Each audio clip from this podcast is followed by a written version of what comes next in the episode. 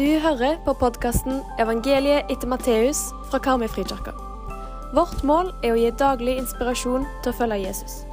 Hei, hei, og spesielt velkommen til deg som hører på som syns det er vanskelig å tro på Jesus. I dag møter vi det som vi tror er den mest sentrale hendelsen i menneskenes historie. Hvis du skal markere en hendelse, så setter du gjerne et kryss ved den, ikke sant? Og hvis du da retter opp krysset, ja, så blir det til Ja, nettopp. Det blir til et kors. Vi er i episode 78, og vi leser fra evangeliet etter Matteus, kapittel 28, vers 1-10. Da sabbaten var over, og det begynte å lysne den første dagen i uken, kom Maria Magdalena og den andre Maria for å se til graven. Med ett ble det et kraftig jordskjelv, for en Herrens engel steg ned fra himmelen, gikk fram og rullet steinen til side og satte seg på den. Han var som et lyn å se til, og drakten var hvit som snø. Vaktene skalv av redsel da de så ham, og de ble liggende som døde. Men engelen tok til orde og sa til kvinnene, Frykt ikke, jeg vet at dere leter etter Jesus, den korsfestede. Han er ikke her, han er stått opp, slik som han sa. Kom og se stedet hvor han lå. Skynd dere av sted og si til disiplene hans. Han er stått opp fra de døde, og han går i forveien for dere til Galilea. Der skal dere få se ham. Nå har jeg sagt dere det. Da skyndte de seg bort fra graven, redde, men jublende glade, og de løp for å fortelle det til disiplene. Og se, Jesus kom mot dem og sa, Vær hilset. De gikk fram og omfavnet føttene hans og tilba ham.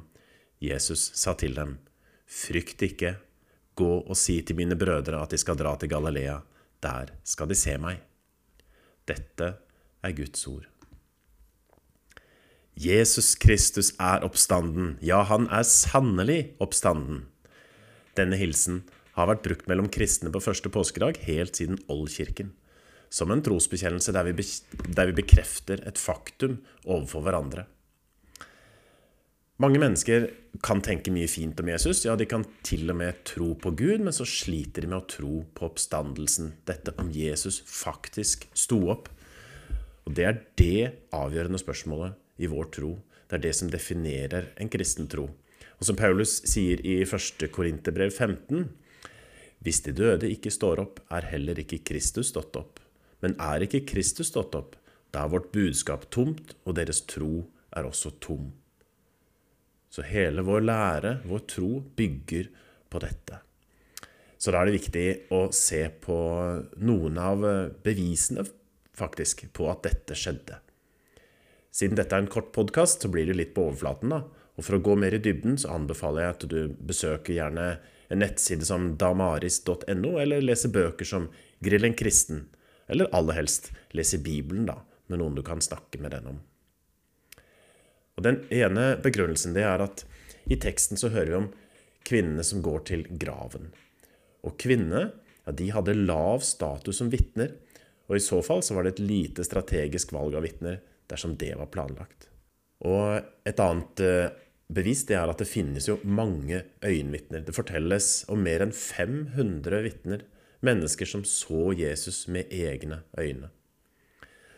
Og kanskje det aller viktigste argumentet her, det er en av de vanligste anklagene mot oppstandelsen er at denne var arrangert, og at Jesus aldri døde. Eller det at han døde, og de ble overtatt til å tro at han sto opp uten å møte ham. Men så er det jo det, da. Vi kan lese om disiplene som gikk fra å være redde og ulærde. De gikk jo i skjul under rettssaken og under korsfestelsen.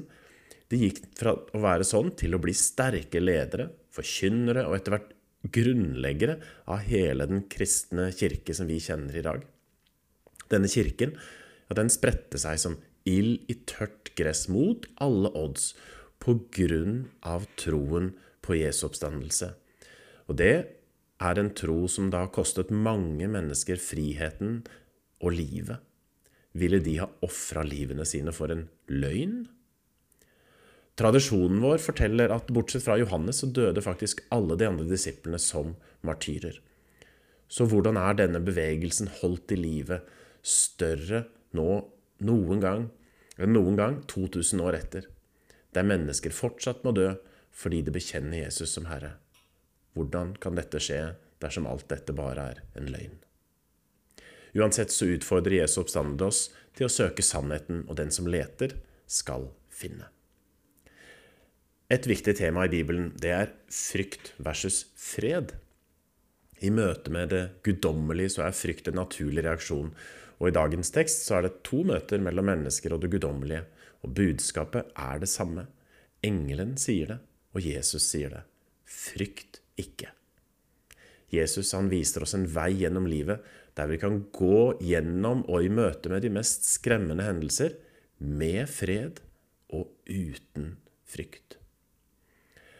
Et annet tema som vi møter her, er sannhet og virkelighet versus løgn og kunstig virkelighet.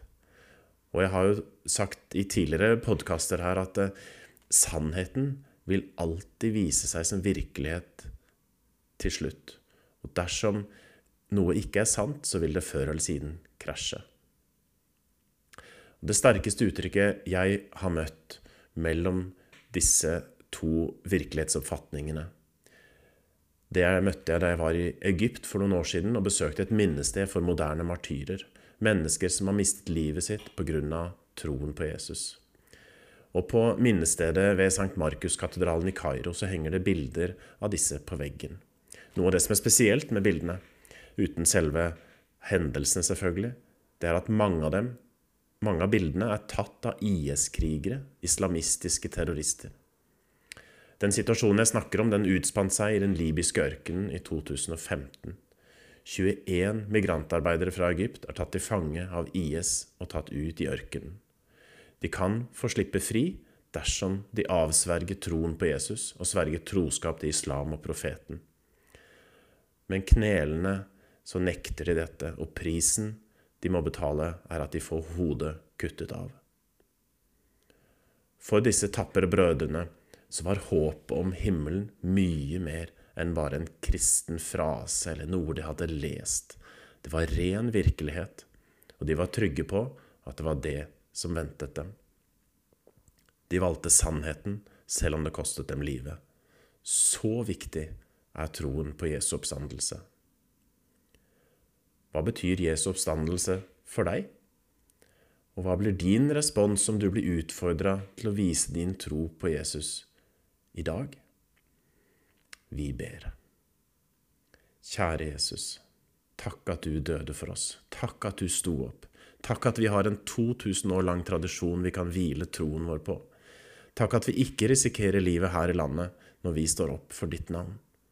Herre, vi ber deg i dag for alle våre søsken som lider eller dør for deg. Vi ber spesielt for våre søsken i Ukraina, i Egypt og i de øvrige arabiske landene. Hjelp dem med å feste blikket sitt på deg, alltid. Gode Gud, du som er over alt og alle, vi tror at du er den evige livets Gud, Gud for alle mennesker. Vi tror at du er den evige kjærlighets Gud. Vi tror at du skapte jorden og havet og himmelrommet. Vi tror at du skaper oss i ditt bilde og gir oss evig verdi. Vi vil ære deg med hele vårt liv og innvier denne dagen til deg. Amen. Velsignet er Gud, vår Herre Jesu Kristi Far, Han som i Kristus har velsignet oss med all åndens velsignelse i himmelen. Amen. Vi håper du blir med videre for å lese hele evangeliet etter Matteus sammen med oss. Leseplanen finner du på våre nettsider.